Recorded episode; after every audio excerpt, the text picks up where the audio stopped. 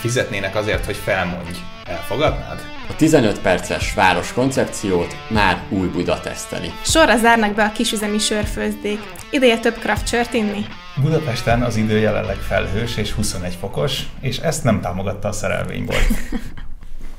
Igen, ugye a Rádió egyen többször hallhattátok már azt, hogy a Balázsék című műsorban ugye bemondják ezt, bemondják az időjárást, vagy nem, volt nagyon is, hogy nem, de akkor is mondták, hogy jó az időjárást, a szerelvénybolt.hu támogatta, és megfigyeltem, mert többször direkt hallgattam így, hogy a Balázs még néha mondja is, hogy hm, igen, a szerelvénybolt, és akkor rákontráznak a többiek, hogy hm, tényleg a szerelvénybolt.hu. Tehát, hogy ezért jó maga a termékelhelyezés. És uh, ugye én erre kíváncsi voltam, hogy vajon milyen eredménye van a Rádió 1-es reklámnak. Sajnos a cég nem szeretne erről beszélni, miért nem beszélnétek róla? Hogyha ha egy közepes, szerintem a közepes eredményt még bekamúzod azt is, hogy műsorban nem. Azért, mert ha kiderül, hogy nagyon jó az a spot, akkor felnyomnák a licitet mások. Lehet ez is. Jövő ugyanakkor, vagy amikor lejár a szerződés, kétszer annyit kéne fizetni, mert bejelentkezne még öt cég, hogy ja, ott az időjárást, ezt mi is megnyomnánk. Hát, hogy nem csak felmen az ára, hanem elkezdene a konkurencia is ugy- ugyanúgy a rádióba reklámozni. Úgy arra gondolok. Igen. Na hát, és kíváncsi voltam, mondom, azért utána nézek ezeknek a dolgoknak. Annak azt nem tudom, hogy mióta reklámoznak, de én erős érzéseim van, hogy azért már tavaly is el, tehát hogy már ezt több mint egy éve reklámoznak. Ó, sokkal. Hát én mielőtt itt dolgoztam, és ingáztam Fehérvárra minden nap, minden reggel volt. Akkor, na, az már, az már durva. Egy, egyedül a nyári spoton cserélték le a, szereny, a szerelvénybolt.hu-t valamelyik klímagyártóra, Aha. talán Daikin volt helyette Igen. nyáron, és szeptemberben azonnal visszajött a szerelvénybolt. Na és akkor képzeljétek el, hogy most amit láttam, a Similar web adatai alapján havi 200 ezerszer látogatják a szerelvénybolt.hu oldalt. Ez fontos, hogy ez a Similar web adatai alapján ez azt jelenti, hogy azért lehetséges, hogy ö, 30%-kal több, tehát hogy nem, nem pontos, csak az arányokat jól mutatja, méghozzá azt, hogy 50-80 ezerrel több, mint a konkurenciáinak, akár 50%-kal is, tehát hogy le- jelenleg a látogatóikat, ha nézzük, a látogatói számot, 50%-kal több, mint a konkurenciának, és akár lehet, hogy azt, azt is mondhatjuk, hogy csak azért, mert mondjuk reklámoznak a Rádió egyen. És hát néztem a hirdetéseiket, nem volt annyira más a, a, a kattintásoknak a száma, inkább ugye így, így látszik, hogy hasonlóak az arányok. Ami érdekes volt, hogy egyébként még közben a Google-ben rá is hirdet. Ezt azt mondanám, hogy ez egy pozitív jó dolog, tehát hogy nem csak egy csatornától várja a, a csodát, hanem ráerősít egy Google egyszer. Azt gondolom, hogy nála most, hogyha ezt tudatosan csinálják, és nem csak forgalomterelésre használják, ez valójában egy ö, piacszerző marketing jelenleg, amit csinál a szerelvénybolt.hu, uh-huh. hiszen azért a legné- legnépszerűbb, leghallgatottabb rádióban reklámoz főműsoridőben. Az árbevétele az nőtt 2022-es évben, az előző 9 milliárd forintos forgalomról 11 milliárd forintra nőtt forgalma, tehát 2 milliárd plusz azért ott lett, nyeresége 104 millió forintról 421 millió forintra nőtt. Akkor jó, persze, ez most több mindentől függhet persze az, hogy nyereség hogy megy, meg minden, de azt gondolom, hogy beérhet egyfajta marketing, mert hogy itt, itt azért kettős az egész, nem csak mm. az, hogy az emberek a szerelvénybolt.hu-ról tudomást szereznek, hanem azért egy hosszú távú olyan marketing, hogy amikor te tudod, hogy valami hasonlót vásárolj, akkor, akkor a szerelvénybolt.hu jön be Igen. ötletként is, mert annyira propagandaszerű ez az egész. brand recognition, hogy, Aha. hogy azonnal felismered, ha meglátod, meg azonnal beugrik, ha, ha bármi a gondolataidat abba az irányba tereli. Nézd meg amúgy Trendsben, ezt nézted? Wow, azt nem néztem. Szerintem lehet, hogy itt kezdtek el mégiscsak reklámozni? Aha. Vagy itt kezdték el újra, Ez vagy nem tudom. Ez 21 Aha, december, de az a- január, akkor viszont lehet, hogy hülyeséget mondok, és De... Viszont akkor ennyire belement az agyadba, hogy azt hitted, hogy már sokkal azt hittem régebbi. Ja, igen. Na, de a Google Trendsbe azért az nagyon durva. Ez Ez a kiugrás van, de ezt is érdemes bevágni. Ugye értem, hmm. szerint én, én abból, hogy nem jöttek el, és nem akartak erről podcastet csinálni, bár mondjuk már így követik el a hibát, mert mindenképp szerepelnek, de hogy, hogy számomra az azt jelenti, hogy nagyon jó eredményük van. Ha nem lenne olyan jó eredményük, akkor, akkor eljönnének azért, hogy szerepeljenek benne, hogy még megnyomják ezt a boostot, értitek? Uh-huh. Kicsit, mondjuk egy ilyen üzleti szakmai közegbe. Úgyhogy én azt gondolom, hogy, hogy a szerelvénybolt.hu-nak nagyon megtérül ez a hirdetés, ugye látjuk azért a számokban is, én azt mondom, hogy, hogy érdemes lehet így, így gondolkodni ebbe a rádió reklámokba, és így főleg helyi kisvállalkozóknál. Ugye azért a Rádió egynél nagyon sokszor a, a lokális hirdetéseket lenyomják ugye lokálisan is, tehát hogy Pécs, Szeged, izé. Itt az érdekes még egyébként, hogy azért ehhez kell egy olyan cégméret, meg egy olyan stabil forgalom, hogy te x ideig biztos, hogy égeted a pénzt. Tehát, hogy ennek is van egy nagyon sok hónapos elcsúszása abban, hogy elkezdesz rá költeni, és hogy bármiféle megtérülést látsz. Hát igen, és ehhez olyan fajta vállalkozói attitűd kell, igen. hogy te azt mondd, hogy oké, okay, rendben, én elindítottam a hirdetést, nem várok azonnal a csodát, hanem mondjuk egy két-három hónap múlva már látom az eredményét, mert egyébként ez, ez, ez nagyon sokszor abba is, hogy mondjuk azzal növeli a konverziót, hogy a vásárló már rég döntött volna, és akkor azt mondja, hogy hú, ja, jó, ú, tényleg a szerelvénybolt.hu, és mm. lehet, hogy, hogy, hogy két-három hónap múlva, csak amikor már többször hallotta a hirdetést, utána fog vásárolni. Úgyhogy igen, igen. na hát szerelvénybolt.hu, én azt mondom, ez egy jó példa arra, hogy merjünk költeni, igen. és KKV-ként. Lehet, hogy a rádióban kéne reklámozni a kisüzemi sörfőzdéknek is, ugye Eszter? Lehet, hogy akkor nem zárnának be ilyen rohamos ütemben, ugyanis a Guardian számolt be róla, hogy március 31-ig, az azt megelőző 12 hónapban 45 sörfőzde is csődbe ment Nagy-Britanniában, ami háromszor annyi, mint az egyel korábbi évben. A fizetésképtelenség a kisebb cégeket érintette a legjobban, talán nem meglepő módon. Ők eddig is egy túltelített piacon működtek, és egyszerre sújtotta őket a rezsiköltségek növekedése, és az, hogy a brit megélhetési válságban a sörivók az olcsóbb termékekre váltottak valamennyire ez a piacnak a tisztulását is elhozza, hiszen az elmúlt években azért a, a kézműves sörfőzésnek a fellendülése azt jelentette, hogy már egyre több márka versen, versengett a szupermarketeknek a polcaiért és a ö, kocsmákban a, a tepekért. Csapokért. Csapokért, így van. Főleg az emberek igen, fogyasztásáért. Így van. És hogyha ilyen a helyzet Nagy-Britanniában, akkor én megpróbáltam utána járni, hogy mi lehet a helyzet Magyarországon, és hát valószínűleg egészen hasonló. Nyilván nálunk is az energiaválság és a magas infláció erősen sújtja a kisüzemi sörfőzdéket. Egy áprilisi rtl.hu cikket találtam erről, akkor azt jelentették, hogy a kisfőzdéknek 10%-a bezárt, és még további 10-20% lehet olyan tetszhalott állapotban, amikor konkrétan nem főznek sört a, a, a főzdék, hanem csak azt várják, hogy javuljanak a körülmények.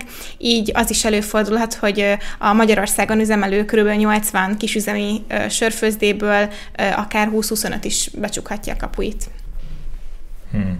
Ugye mielőtt ezt a témát belofta Eszter most itt a, a, a hírszemlébe, akkor beszéltünk előtte, azért nem állunk el titkot, hogy azért minimálisan azért a híreket tudjuk, hogy a másik miről beszél, és azért beszéltünk erről a kisüzemiről, és én akkor bedobtam azt a témát, hogy, hogy az a baj ebben az egész piacban, hogy ugye nem tud akkorára skálázódni, hogy megérje neki, túlélje azt a szakaszt. Tehát, hogy képzeljétek el, hogy van, csinálod már a kisüzemi sörödet már 6-7 éve, eljönne egy olyan pont, amikor végre már tudnál pénzt termelni, és akkor mondjuk pont bejön egy körül, olyan körülmény, ami lenullázza a hasznodat is, meg mivel nem a jellegéből adódóan benne van, hogy nem tudod akkora méretben skálázni, mert akkor mondjuk olyan sör lesz, amitől nem mondjuk, például itt van mondjuk jó példa, a monyó elvileg kisüzemi. De az is már nagy mennyiségbe gyártja. Sőt, amikor már, már figyeljetek, amikor már a spárba lehet venni spár monyó kollab sört, az például már az már a legdurvább verziója a kisüzemi sörnek szerintem. Ettől még persze finom lehet, meg finom, nem kóstoltam, majd megkóstolom, meg nem biztos, hogy még van egyáltalán. Ez, ez valami olyan, mintha ha, ha ezen a piacon az ingyen ebéd még inkább nincs jelen. Mit gondoltok, vigyük el, próbáljuk el erre vinni a, a, a figyelmet, vagy, vagy az egész beszélgetés. Donát, mit szólsz ez? Hát ugye én mondtam erre már korábban is Milánnak, de most nyilván új, ugye újra elmondjuk, hogy ti is halljátok, hogy a kisüzemi söröknek nem is érdekel, vagy nem is azt, hogy nem érdekel az, hogy skálázódjanak, mert persze tök jó lenne sok pénzt keresni, csak teljesen szembe megy magával a termékkel. Azzal, hogy elkezdett standardizálni, azzal megszűnik a kézműves sör kézművesnek lenni mert ezeknek pont az a lényege, hogy folyamatosan újat gyártanak, folyamatosan limitált szériák vannak. Ha megnézitek, minden e, ilyen kisüzemi, meg helyi sörfőzde márkának megvan az a két-három söre, ami állandó, és az összes többit fél évente, évente cserélgetik. Tehát azzal, hogy, hogy beállnának egy hatalmas nagyüzemi gyártásra, nyilván üzletileg megérné nekik, csak szembe mennének a lényeggel. És ugye maguk a sör fogyasztók, tehát akik kézműves söröket fogyasztanak, ők se igénylik azt, hogy folyamatosan ugyanazt a kettő dolgot gyártsa a kedvencük. Szóval ez egy kicsit ilyen lehetetlen helyzet, hogy pont a kisméretük adja a lényegüket. Ezért nem is akarnak így nagyon nőni. Igen, meg szerintem azért azt így nem mondanám, hogy az alapból a kézműves sörnek az üzleti modellje jelenti azt, hogy nem tudnak skálázódni, és ezért elbuknak, hiszen most elég extrém helyzetben vagyunk, hogy meg sokszorozódott mondjuk a rezsiköltsége egy főzdének. Az, az, Jó, az azra igaz. nem biztos, hogy tudtak volna erre tervezni. Nem, de értitek, akkor, akkor mondhatjuk azt is, hogy tök jók a kisüzemi sörök, de valami gap van az egész piacnak az üzleti modelljében, és hogy, hogy nem tudsz nyerni. Igen, figyeljetek, most, mondok, most, mondok mondtam el, hogy mi. Igen. Ja, figyeljetek, például itt van a Monyó. Monyó tavaly előtt 287 millió forgalma volt, 2022-ben 507 millió, tehát durván majdnem duplázódott, viszont az adózott eredménye 2021-ben két, mínusz 240 millió, tavaly pedig mínusz 410 millió.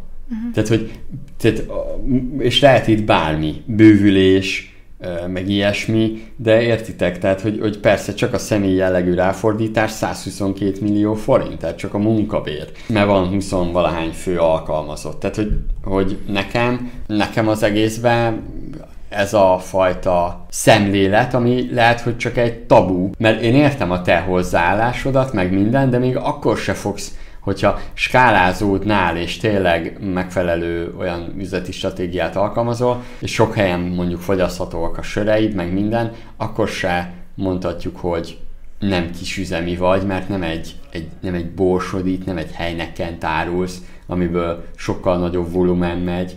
Viszont itt van egy volumen határ, amit ha nem érsz el, akkor halálzónába vagy. És nekem ez a bajom, ez, valahogy ezzel az üzleti modellel, meg, meg valami olyasmit vélek itt felfedezni, hogy benne lehet az, hogy egy pár fős kisüzemi sörfőzde jól megél. Majd úgy is beszélünk a 15 perces város koncepciójáról, uh-huh.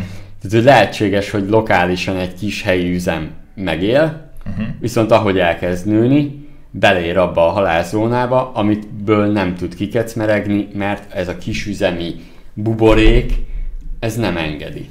Hát ugye a kisüzemi buboréknak egy nagy része maga a piacnak a mérete. Ugye ott kezdődik, hogy a teljes sörforgalomnak azt hiszem valami 3%-a az, ami a kisüzemi sörök. Beszélhetünk arról is, hogy ezek a kisüzemi sörök ráadásul egyébként nem a többi sörrel versenyeznek, teljesen más árkategóriában mozognak, emiatt teljesen más célcsoportjuk van, és előbb mondanám egy gin tonic versenytársának egyébként a mit tudom én, a Horizontnak valami új sörét, mint a Borsodiénak uh-huh. mert sok ezer forintos italokról beszélünk. Tehát amikor egy, egy pohár valami 1700-2000 forint, az, ne, az nem a 300 forintos Sopronival versenyez. Igen, és a magyar ö, söriparnak, meg a craft sörnek biztos, hogy nem segített, hogy Magyarország mindenkit lenyomott az Euró- Európai Unióban a 37,8%-os sörinflációval. A sör szó nem kell elé. Minden inflációban. Igen, igen, most próbálom megnézni a fehér nyulat, hogy, hogy vajon ő nekik hogy alakultak a számaik, mert kíváncsi vagyok, most ő egy konkurencia, csak amikor mm. például volt a tőkeportálon is, hogy be lehetett fordi, fektetni kisüzemi sörfőzdébe, nekem valahogy én azért nem is írtam róla mindenre, mert, mert egyszerűen nem elég, hogy tőkeport, tehát hogy nem elég, hogy ilyen fajta árazás mellett gyűjtenek pénzt, hanem még egy kisüzemi sörfőzdénél még ez nehéz. Na, náluk úgy alakult ez az egész, hogy 2021-ben 182 millió forint, 2020 2022-ben 344 millió forint volt a forgalom, ami egyébként jelzi, hogy a volument lehet növelni, tehát 344 millió forint forgalom, Igen. 2021-ben 56 ezer forint nyereség, és mínusz 30 millió volt tavaly. Hát ugye a 21-es az a Monyót mondtad először, mm, ugye ott az, az kemény mínuszos volt, az a Covid. De most meg, meg két, nem, nem, most nem a, most nem a monyót mondtam, most ez csak a fehér nyúlra vonatkozik. Nem, nem azt mondom, hogy ugyanabban ja. az évben ja, a igen. monyó az 50, tehát itt 56 ezer, itt akkor szinte nullás évet zártak, a monyónak meg elég durva mínuszos éve volt, de hogy ez ez de milyen érdekes, igen, de hogy a Monyó, Monyónak tavaly meg, jó, lehet, hogy valami új raktár behelyezés volt, most pont nem néztem meg, vagy raktár, mm. vagy ilyesmi, de hát akkor is rávertek mínusz 200 milliót veszteségbe. Most meg itt van a, a fehér nyúl, az mínusz 30 millió, tehát 344 millióra mínusz 30 millió veszteség. Még azt így elfogadom, mert jöhet egy olyan időszak, amikor szépen hozza a 100 milliós nyereségeket. De Viszont... most bántod szegényeket, hogy nem nőnek, lehet a mínusz 200 millió, az pont az, hogy egy új üzemet felhúztak. Azt mondom, persze, hogy ez, ez teljesen lehet. Aha. Majd megnézem. Kíváncsi vagyok, majd utána nézek, de ja. hogy valaki, egy, jön egy olyan piaci szereplő, aki telibe tolja ezt a kézműves, sörös, szakállas koncepciót, és jön egy mobilfox csak kézműves sörbe, és lealázza az egész piacot, és ha, a haszonba ott lesz, hogy eszméletlen. Vagy szerintem jó példa a makaronos, a sédodó, mindenki nehezen árul uh, makaront, nagyon nagy az előállítási költsége, meg közben a nyereség is kevés rajta. Erre ott van egy cég, aki ezt meg tudja csinálni, és meg nyereséges is. Akár még azt is mondhatjuk, hogy van egy tök jó lehetőség ebbe. Valaki egy kicsit másod csinálja, vagy más attitűddel áll hozzá, úgy, hogy egyébként maga a fogyasztók, itt is a itt is kérdés, a kiknek adsz el? Annak a szűk rétegnek, aki össze-vissza a kézműves sört ö, szinte szakértőként issza, uh-huh. vagy az embereknek adsz el, hát akik finom sört szeretnének. Igen, amúgy ők nyilván nem tartják el a a, a főzéket ezen, ez, ezen a sörmárkámnak csak ez, ez finom, érted? Visszafizetjük a szar. És ráhirdetnél a Soproni meg a Borsodi fogyasztókra, hogy ne igyál szart. Nem, a Soproni ból, a Soproni búza, azt, azt már vettem, mióta egyszer kóstoltattál mm. velem, azóta vettem, mert finom. Pedig ritkán iszok, de ahhoz nyúltam. Mert láttam polcon, puf, mondom, ez az. Ez legalább finom. Amúgy ez tök jó, hogy behoztad, mert szegény kisüzemi sörfőzdék helyzetét amúgy az sem könnyíti meg, hogy azért ezek a nagyok, akik az elmúlt 200 évben a lágernél messzebb nem láttak, az utóbbi öt évben mindenki csinált ipát, ilyen komlóst, Igen. olyan komlóst, gyümölcsös sört, plusz búzasört, tehát a Soproninak a termékpalettája az most már lefedi lassan egy kisüzemi sörfőzdének a, a palettáját, mínusz a nagyon különleges sörök. Egyébként a Monyónak 2000, mikor ez? 2020-ból van egy olyan cikke, hogy hogy valami új üzemüket megnyitották, és 2000 literre növeltek valami kapacitást. Lehet, hogy ugye azt 2020-ban megcsinálták, és a 2021-es beszámolóban kezdték el leírni, vagy jó, én elfogadom. Ezeket a számviteli trükközéseket nyilván kívülről nem tudjuk. Nem tudom, nekem jó, hogy Eszterez behoztad ezt a témát, meg most majd ezzel fogok álmodni. mi, mi lenne, ha amúgy is vidéki turné, és ha Pécsen járunk, akkor menjünk el, minden szombaton főzdelátogatás van, és szegez nekik a kérdést, hogy miért vagytok veszteségesek? Annak nagyon fog örülni Ma, a kis idegenvezető. Mai nap mínusz 150 ezer forintot kerestetek. Meséljetek róla. hogy miért. Igen, viszünk nekik sört. Na, de én kíváncsi vagyok egy, erre a másik izgalmas koncepcióra is, Na, mint a 15 igen. perces város, amit már itt belengedtél, aztán ja, azt hittem, nem akartad elspoilerezni. Jó, igen. Nem. Na, lehet, hogy aztán az oldja majd meg ezt az egészet, ez a 15 perces város koncepció, ez így bejön, és 15 percre legalább lesz egy hely, ahol kisüzemi sört fogsz inni. Nekem amúgy tetszik a koncepció, van, aki támadja, de, de egy izgalmas dolog. Ugye ez arról szól, hogy a 15 perces város már több nemzetközi városban is már megvalósították, és sikerrel is működik. Lényege 15 percnyi távolságra elérhető gyalog, vagy biciklivel, minden olyan bolt és szolgáltatás, ami kell és szükséges ugye embereknek. Gazdasági előnye is van, hiszen a megtermelt jövedelem az, az helyi körben történik annak az elköltése, tehát hogy igazából sokkal könnyebb így még a, a, az adott városrészt is fenntartani.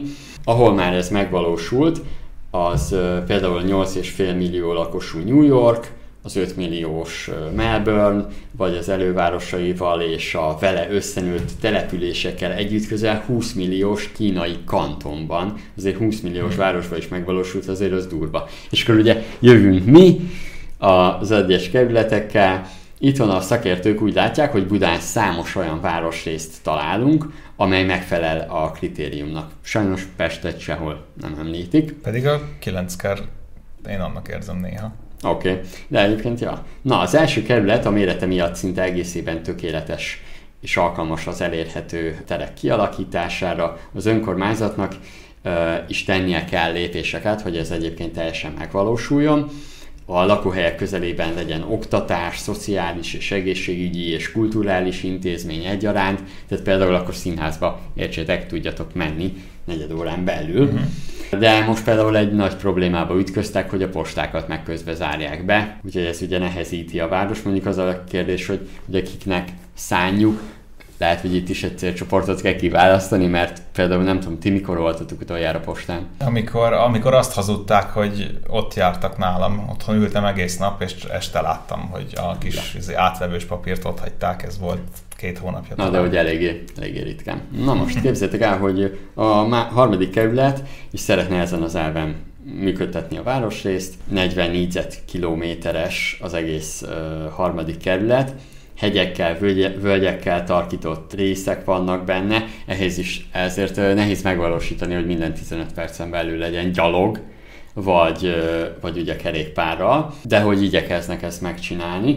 És a második kerület szintén, itt azt csinálták, hogy a Margit körútnál sok a kiadatlan üzlethelység, ezért kedvezményes bérleti díjjal ezeket kiadják, illetve a Margit körút közelében nyílt művészeti galéria, közösségi tér, zöld közösségi hely, akkor fenntartható divatra fókuszáló és tudatos vásárlásra ösztönző üzletek nyíltak. Egyre zöldebb is a, a, az az útszakasz, amit így a Margit körút belep, tehát mm. igazából itt, itt elkezdték ezt megvalósítani. Nekem azért tetszett ez, a, ez az egész cikk meg koncepció, mert egyébként mivel elég sok helyi üzlet egyébként is bezárt, ez a modellre épül egy olyan fajta koncepció, hogy el kell, hogy tartson. Tehát ott, ott vagy te helyi vállalkozóként, van egy leveseződ, van egy kis kávézód, akkor csak a lokális embertömeg el tud tartani, mert még akár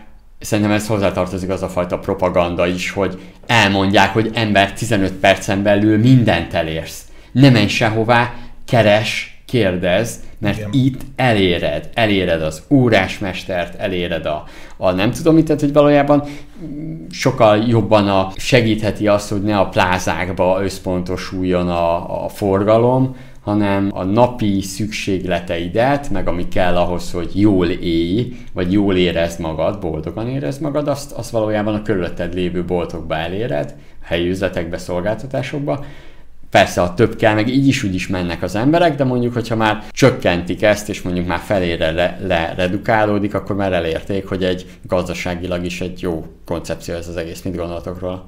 Azt akartam mondani, hogy koncepció szinten ugye azért veszélyes ez, hogy a kerületek abba gondolkodnak, hogy hol meg mit csináljanak. Az nem 15 perces város, hogy csak az első kerület megcsinálja magának azt, hogy minden 15 percen belül elérhető. 15 perces város, benne van a nevében, hogy város város részeket, nagyon, ezt így azóta gondolkodtam, hogy bemondtam a 9. kerületet, hogy igen, a középső Ferencváros is, meg a belső Ferencváros is érzésre nekem ilyen, de attól még nem lesz Budapest 15 perces város, hogy van a városnak mondjuk 10 pontja a 250-ből, ahol ez működik és megvalósult. De akkor kb. azt is mondhatjuk, hogy ha ez a koncepció mentén mennek, akkor kell egyfajta lista, hogy még mi kell, milyen bolt, milyen igen, üzlet, igen. milyen szolgáltatás kell. És, és ez olyan szinten egy nagyon-nagyon tudatos dolog, hogy amikor ott van a városrész, és összeszedni az önkormányzat, hogy akkor mi van, mi nincs, akkor el kell kezdenie olyan szempontból belenyúlni a piacba, hogy amikor a meglévő üzlethelyiségeket kivenni a 17. kávézó, akkor azt mondja, hogy nem, te itt nyithatsz csavarboltot, uh-huh. iPhone aksi cserét, vagy mosodát, de kávézót nem, mert köszi, abból már van elég. Ez jó, Tehát igen, ez egy nagyon-nagyon tudatos tervezés, ahol össze kell, fognia, vagy össze kell fogni a dolgokat az önkormányzatnak, vagy valakinek. Igen, az így tök jól hangzik, én most csak azon gondolkozom, hogy ne legyünk a belpestiek, hogy, Késő. hogy ez, ezt nem tudom, hogy, meg, hogy egyáltalán ennek a 15 perces város mozgalomnak, vagy koncepciónak célja ezt elvinni vidékre is, de szerintem vidéken nagyon sokszor az áll az útjába ennek, nem az, hogy nem tudom, nincsen olyan vállalkozó, vagy nincsen olyan üzlethelység, hanem egyszerűen egy kisvárosban nincsen az az embertömeg, ami eltartana ennyit. Tehát, hogy... Egy nagy városban sokkal könnyebb megcsinálni. Igen. Igen. Pont a kertvárosok, ugye, ahol a nagy terület van, kicsi népsűrűséggel, ott nagyon nehéz De ezt nem, megcsinálni. Szerintem ezt arra, amire gondol még plusz, vagy mondjuk akár nézzünk Tatabányát, vagy egy nagy kanizsát. Igen. Azért nem tudod elképzelni, mert, mert hogyha 15 perces körön belül is nézünk majd boltokat, meg minden, meg üzleteket, egyszerűen több minden szempontból nem tud az teljesülni. Egyrészt egyébként egy nagyfajta edukáció kell a helyi vállalkozóknak is, mert hogy, hogy tudják magukat eleve reklámozni, jobban hirdetni, hogy oda szoktassák az embereket, tehát egyfajta rutint is. Tehát hiába találjuk ki a koncepciót, hogyha a fogyasztó telibe tolja, mint tudjátok, van ez a, ez a kép szokott lenni, hogy megterveznek egy járdát, hogy így kell menni a járdán, meg így, és utána az emberek meg keresztbe mennek a füvön. Igen. Igen. Igen. Ö, meg, meg nem is csak ilyen, hogy Tatabánya, mert szerintem még ott nem, nem tudom mi a pontos lista, mi kellene, de szerintem elég jól sétálható, meg bejárható, hanem mondjuk Tatabánya környékén van egy csomó olyan kis település, ami jó módú település és, és tele van olyan ember, akinek tényleg igénye lenne, hogy mondjuk ne kelljen beülni a kocsiba mindenért, de attól függetlenül túl kicsi ahhoz, hogy akár egy Lidl oda menjen, vagy egy értelmezhető élelmiszeráruház, Sőt, ami nem egy volt, kisbolt. Meg, meg kisbolt, igen. És akkor ott van egy fodrász, egy kisbolt, meg egy cukrászda, és körülbelül ennyi, és jó, meg persze iskola, meg ilyenek, de hogy ott kénytelen az ember autóba ülni. Budapesten nem ez, jó, itt is rengetegen vezetnek, akinek nem Szerintem kéne, de legalább könnyen megvan a, a, az infrastruktúra, hogy ja, de egy nagyon kisvárosban szerintem az, az lehet, hogy egyrészt könnyen be is gyalogolható akár, de most persze itt gondolkodok, most uh, ismerek hát olyan kisváros, mondjuk Fasvár. De nem is a... De kerékpárral, tehát... kerékpárral például 15 perc uh-huh. elég jó. Biztos, hogy kisvárosokban is meg lehet csinálni, de a belvárosokban. Uh-huh. Tehát, hogy, vagy nem tudom Tatabányának a formáját, de Fehérvárnak tipikusan olyan formája van, hogy van a belváros, és ilyen kinyúlások vannak, ami az Öreg-hegy, a Fekete-hegy, a Maros-hegy, és ugye ott szembesülsz azzal a problémával, hogy van a Maros-hegy, aminek majdnem a teljes egy, egy egész egy kertváros, és azért nem tudnád megcsinálni ezt a 15 perces koncepciót, mert annyira alacsony a népsűrűség, Aha. hogy bár hiába lenne egy tök szépen körberajzolható terület, hogy akkor itt mindenki mindenhova elér minden szolgáltatást 15 percen belül, nincs benne annyi ember. Meg, meg tudjátok, ez egy, ha már erről is beszélünk, nem csak a népsűrűség probléma, hanem dupla negatív tényezője van a vásárlóerőnek is szintén. Az a másik. Igen. Igen, biztos, hogy tök jó lenne annak a nem tudom, pár száz embernek, aki azon a területen él, vagy pár ezernek, hogy legyen ott nekik nekik 15 percen belül elérhető kultúra, közösségi hely, akármi, de akkor az a, az a, nem tudom, az a színházat működjön veszteségesen, mert nem tudják megtölteni a termet. Hát, de ezért Igen. van a 15 perces város koncepció, tehát ezért csak koncepció. Tehát, igen, meg azért van az, hogy úgy kell megtervezni ők az egyes színházakat, hogy pont úgy legyenek elosztva a városba, hogy tudjon még nyereségesen működni, mert nagyobb, akár nagyobb teret is lelő, mm. vagy lefog ez igen. az egész, de, de igen, szerintem itt, itt lehet, hogy Magyarországon egy kicsit ezt nehezebb megoldani. Én, én hiszek abban, hogy a helyi vállalkozókhoz lehet így terelni forgalmat. Én is közeljövőbe kiszámolom, mennyi vásárló kell egy kis boltnak, egy kis helyi üzletnek, ahhoz, hogy ez megtérüljön, vagy ahhoz, hogy neki a beruházása megtérüljön. Én arra lennék kíváncsi, hogy olyan tudják-e. Bemegy helyi üzletekbe, ja, megmondom piackutatás. Miner piackutató kár. És mit, ké- mit kérdeznél? Hát, hogy tudják hogy hány vásárló kell ahhoz, hogy nullá legyen a bolt. Havonta mekkora, kös, mekkora kosárértékkel, mekkorát költenek átlagosan. Figyelj, ezekre nem tudnak válaszolni, akkor akkor... Hát figyelj, ezt a legtöbb fizikai boltban szerintem nem fog. Akkor nem adják vissza. Megmondani. adják vissza. Adják nekem a izét. KFT alapító okiratát így előttük ketté téped. Mint a, éreztek, a, éreztek a helyi vállalkozók, Igen. Gordon Ramsay. Az jó. Viszont a másik, ami meg eszembe jut, hogy ugye ennek az lenne a célja, hogy ne kelljen annyira mindenért autóba ülni. De akkor nem csak a szolgáltatásoknak kell a közelbe lenni, hanem a munkahelyeknek is, hiszen a legtöbben mondjuk vidéken az, azért ülnek autóba, hogy elmenjenek dolgozni, és melóból hazafele meg megállnak vásárolni. Ez egy nagyon jó gondolat egyébként, és ez nem ebbe, hanem ezt máshol olvastam, hogy ez összhangban van azzal, hogy azért is keresnek már ezekben a városokban többször ilyen belvárosi ingatlanokat az emberek, meg minden, hogy inkább próbálnak a közelbe uh-huh. munkát is találni. Ez azért is érdekes téma, mert ez, tudjátok mi a durva? Nézzük a következőt. Van a négy napos munkahét, van az alapjövedelem, 15 perces ö, városkoncepció, tehát egyet láthatunk, kerülgetünk valami olyasmit, ami nagyba meg fogja változtatni a mindennapi életet. Ment, hogy nem mi, úgy értem, hogy a társadalom uh-huh. éppen változás felé Igen. és közéjel megtelibe. Valami kicsit kényel, nem tudom, hogy mondjuk ilyen kényelmesebb, fenntarthatóbb élet. Emberközpontú. Nem, nem ülsz mindenért kocsiba, nem hmm. dolgozod magad halálra, ja, valami emberközpontúbb. De nem, tehát hogy az biztos, hogy 15 perce van minden egy csomót spórolsz. Mert az, hogy beleülsz a kocsiba, aztán még el kell menned valahová, meg nem tudom miért, szerintem az idő. Hát, kocsival meg olyan szempontból nem biztos, hogy spórolsz, hogy ugye a méretgazdaságosságot, ha ezzel kiiktatod a rendszerből, akkor bejön az, hogy biztos, hogy a loka- minden lokálboltban többet kell fizetned, mint ha a nagy központi webshopból megrendelnéd. Csak ezt, ezt be kell vállalni hát, azért, hogy igen. ne pusztuljon el a bolygó, vagy a nem mondjuk azt, hogy valamit valamiért.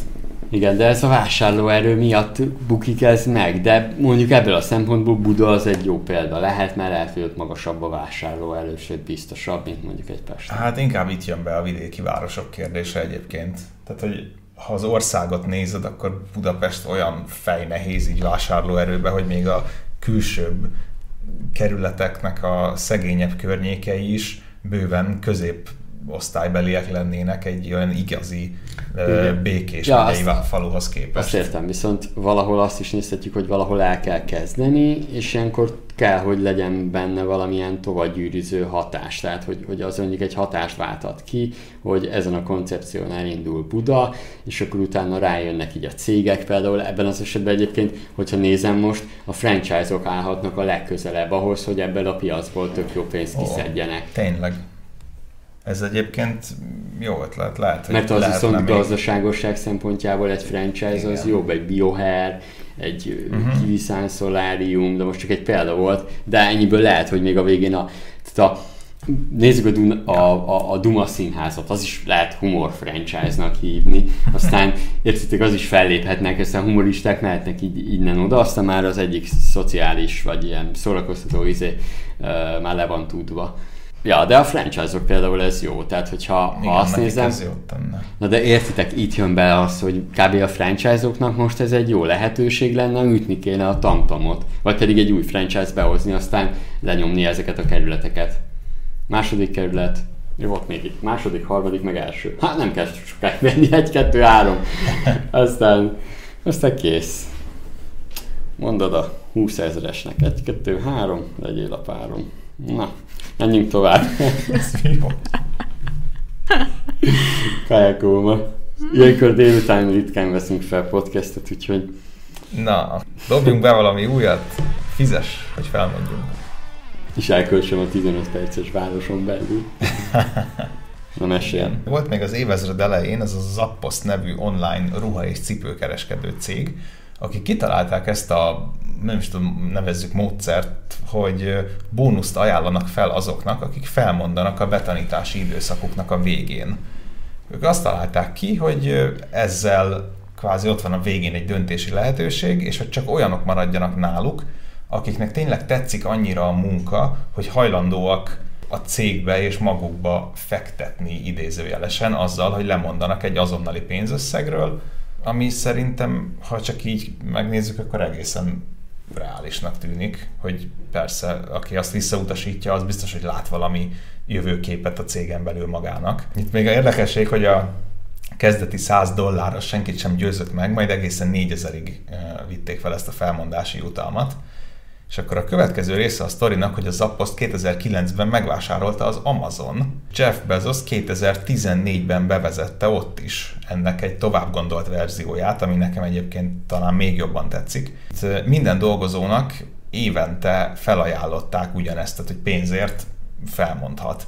Az első év végén 2000 dollárt kaphattak, majd évente egy ezressel nőtt egészen 5000 dollárig. Tehát egy pillanatra egyébként... Ez, ez, az egész koncepció szürreális, de mégis... Itt egy pillanatra meg is állhatunk, hogy így az eddig elhangzottakról ti mit gondoltok? Nekem az egész szürreális, tehát hogy tök, tök durva, érted, hogy, hogy ezzel szűröd ki a nem motivált munkatársat, hogy, hogyha igen, ha ő elfogadja ezt a pénzt, akkor, akkor valószínűleg ő nem is építi a vállalkozást, és Szerintem ez durva koncepció. A másik kérdésem, hogy oké, okay, de most akkor ezt úgy kell elképzelni az Amazonnál, hogy mindenki elé így lobogtatják, hogy figyelj, 2000 felmondasz, most kapsz 2000 dollárt, vagy csak kiválasztott embereknél, vagy négy az Hát kapsz. elvileg régen az volt, hogy majdnem mindenkinek ez, ez volt ez az opció, és aztán 2022 elején a raktári dolgozók elvesztették ezt a lehetőséget a megszorítások miatt, az irodai munkáknál maradt meg.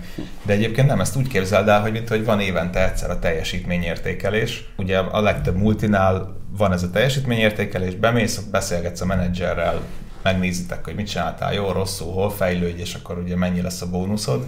És gondolom ezen az évi egyszeri beszélgetésen mondták, hogy na akkor itt leszel jövőre is, vagy 4000 dollár. És amúgy olyan szempontból tényleg így egy win-win dolognak hangzik, nem? Hogy, hogy a, a cég valahogy kiszűri a motiválatlan, meg amúgy is elmenni készülő, meg a munkájában nem mindent beletevő alkalmazottakat, a felmondani vágyó embereknek meg egy tök jó kiút, mert nincs az, hogy tehát nincs az a játszmázás. Ugye Amerikában például kifejezetten divatos az, hogy az emberek kirugatni akarják magukat a mi az végkielégítésért, mert ugye abból élik túl, amíg nem találnak új munkát.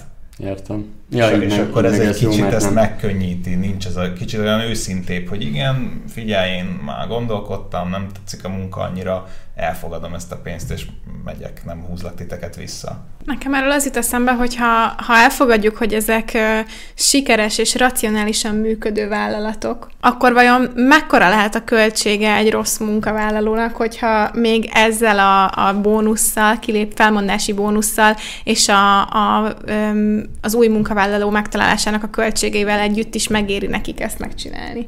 Tehát akkor ezek szerint igazándiból azt láthatjuk, hogy akkor egy ilyen quiet quitting, vagy egy nem megfelelő munkavállaló, vagy egy cégkultúrát romboló munkavállaló, az iszonyat sok ezer dolláros költséget, kárt tud okozni. Hát igen, de hmm, és ezt, igen. Ezt, ezt nem számolják ki az emberek, de persze csak a bérét számolod, hogy olyan emberre költöd a pénzt, aki, aki alig 20%-on teljesít, és még a csapatot is zavarja teljesítménybe, ami meg még, megint lehúzza az egész vállalkozást, akkor kijönnek ezek a számok egyébként egy évre.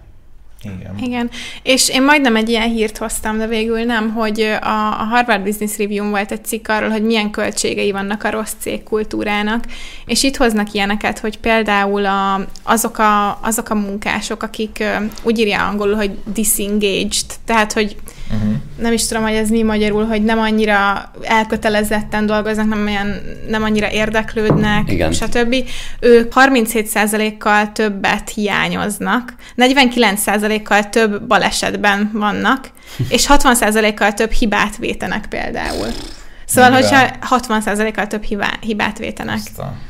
Mm, és egy csomó ilyen még százalékot felsorolnak ebben a cikkben, hogy milyen, milyen tényleges, szemszerű forintosítható költségei vannak annak, hogyha valaki nem akar ott lenni. Szóval így nézve végül is elsőre furcsa, de akkor megértem, hogy miért próbálnak, próbálnak akár bónuszt felajánlani, hogy lelépjen az, aki nem odavaló. Igen, viszont nekem lenne ellenpéldám is erre, amit meg ehhez a cikkhez találtam, hogy ez nyilván van árnyoldala, vagy, uh-huh. vagy, vagy hátránya is ennek, És az egyik az, hogy sokszor a, a, a motiválatlan az nem egyenlő a nem produktívval. Mint ahogy a, ezek a számok, ezek nyilván átlagok. Minden nagyon rosszul teljesítő, disengaged emberre jut olyan is, aki, aki amúgy motiválatlan, meg lehet, hogy nem annyira élvezi a munkáját, viszont tökéletesen elvégzi azt, és nagyon hatékony és produktív, és azért a cégnek kvázi nem érné meg elengedni, mert lehet, hogy ő a saját kis levében főbe, levében főve ugyan, de még két-három évet kihúzna ott. Na, az ilyen embereknél viszont kvázi hátrányos az, hogy, hogy önként és dalolva adsz nekik egy kiutat a cégből. Most ez csúnyán hangzik, de őket, ha a vállalkozói szempontból nézzük, nem éri meg elengedni. Illetve, ami még nekem érdekes, hogyha ha ennyire könnyen ki... Tehát, hogy jó cégkultúrában egyébként olvastam, hogy ezt nagyon sokan visszautasítják. A Zappostnak például az volt egy, egy ilyen megdöbbentő eredménye, hogy nagyon-nagyon kevesen vállalták azt, hogy pénzért ott hagyják a céget, ami azt jelentette, és tényleg azt jelenti, hogy ott valami azért jó a cégkultúrában, mert tetszett az embereknek a munka a próbaidő végén. Uh-huh. És nem mondták azt, hogy ja, baj, én csak a pénzért jöttem csá. Egy ilyen cégnél viszont nem tudom, vagy ahol ez egy kicsit többen fogadják el, ott viszont nem baj az, hogy folyamatosan mondanak fel az emberek, és nincs egy normális csapatod, amiben ugyanaz az öt fő lenne folyton. Én azt Szerintem nem... akkor leállítják a programot, mert hogyha tényleg ennyien meg akkor ott valami nagyon-nagyon-nagyon nagy probléma van. Mondjuk ott már akkor rossz, tehát ott alapból magas a turnover. Ez Igen, igaz. szerintem itt valószínűleg ez az a buktatója ennek az egésznek, hogy olyan cég fogja ezt bevezetni, akinél alapból elég jó a kultúra ahhoz, hogy ne akarjon elmenni nem? Igen.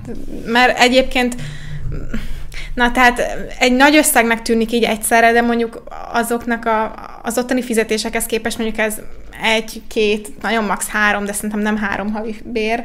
Ö, most igazándiból egy, egy jó munkahelyet ott hagynál azért, hogy készhez kapj két havi bért max.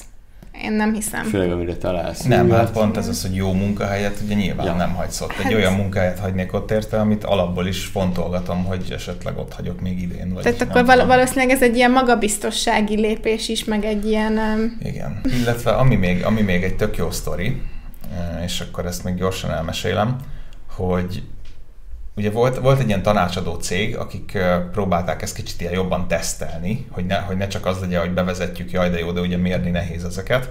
Ezért megcsinálták azt, hogy volt kontrollcsoport, meg az a csoport, akiknek felajánlották ezt. Az ő eredményeik alapján egyébként működik.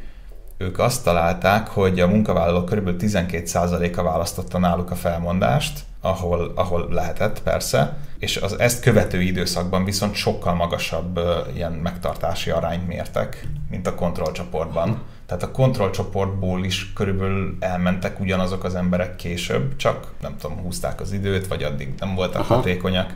Szóval ők azt találták, hogy inkább működik, mint nem. De ami nekem nagyon tetszett, hogy ők egy olyan helyzetben alkalmazták, egy ilyen egyszeri helyzetben, hogy meghatározott a cég valami nagy váltást, egy ilyen hatalmas digitalizációs ugrást, és azt mondták, hogy ez mindenkinek, de főleg senior szinten át fogja alakítani a napi munkavégzését. Uh-huh. És hát nyilván volt egy csomó kolléga, aki ezt ellenezte, volt egy csomó kolléga, aki támogatta, és volt egy csomó, akiről meg nem tudták eldönteni, mert vagy nem vallotta be, vagy lehet, hogy ugye a főnöknek azt mondja, ja, ez tök jó ötlet, alig várom, aztán a vízautomatánál meg panaszkodik, hogy hát ez mekkora hülyeség ez az egész, hogy új szoftvert kell használni, hurdur. És egy, ilyen, és egy ilyen, és ebben a helyzetben Kerek Perec megmondták nekik, hogy akkor itt a pénz, akinek nem tetszik, hogy erre megy a cég, és egy hatalmas változás lesz, az fogadja ezt el. Ki meg marad, az az rengeteget fog tanulni, rengeteget fog szívni, de ez a cégnek a jövője, ez van.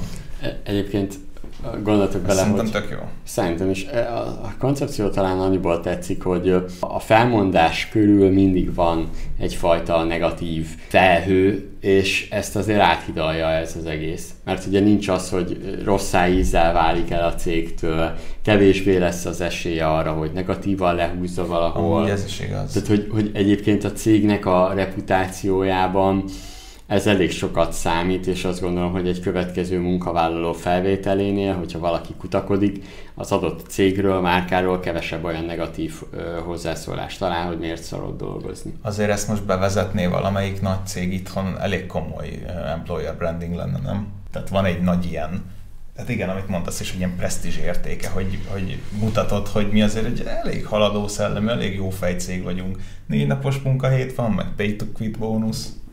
De várjátok, emlékeztek, hogy volt egy, olyan, volt egy olyan hír, itt a hallgatóknak jelzem is, hogy korábbi hírszemléről van most szó, és nem maradtál le semmiről, mert most egy mondatba össze fogom foglalni.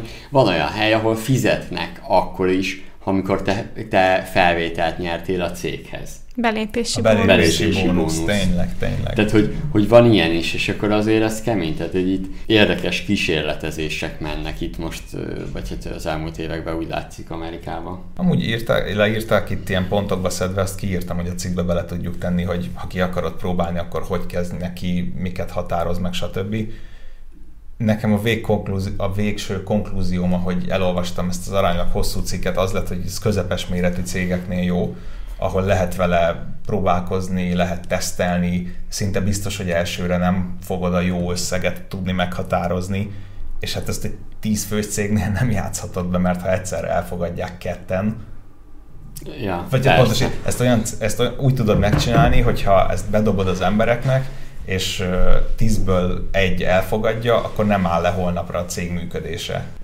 Ez izgalmas abban a szempontból is, hogy ha még nem is veszi át egy magyar cég, mit tud ebből elvinni, számolja ki, hogy mennyibe kerül egy rossz alkalmazott, csak annyira jó, amikor látod az összeget, és azt mondod, hogy innentől nem fogod ellallázni itt a munkaerő felvételt, odafigyelsz, tényleg több, miért, ezért van több körös interjú, ezért ö, többféle szituációba próbálod felmérni a jelölteket, mert hogy ne, drága, béna embert felvenni.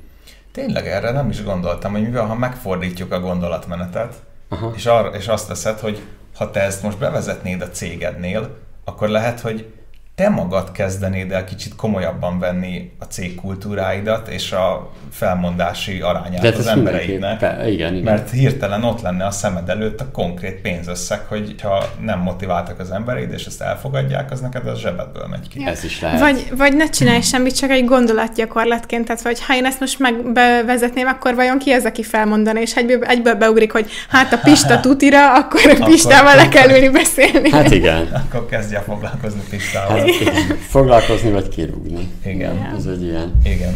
Hát ez a téma egyébként egy izgi. Uh, már kíváncsi vagyok, hogy egy perces TikTok videóval ezt hogy lehet megvágni. Nem, nem az egész beszélgetést, hanem Azért csak ez, ez, a hír, ez, ez, ez alapból egy izgi, hogy, hogy te elfogadnád ezt a pénzt. Uh-huh. Szerintem ez egy tök jó, tök jó téma lesz. Megkivágom.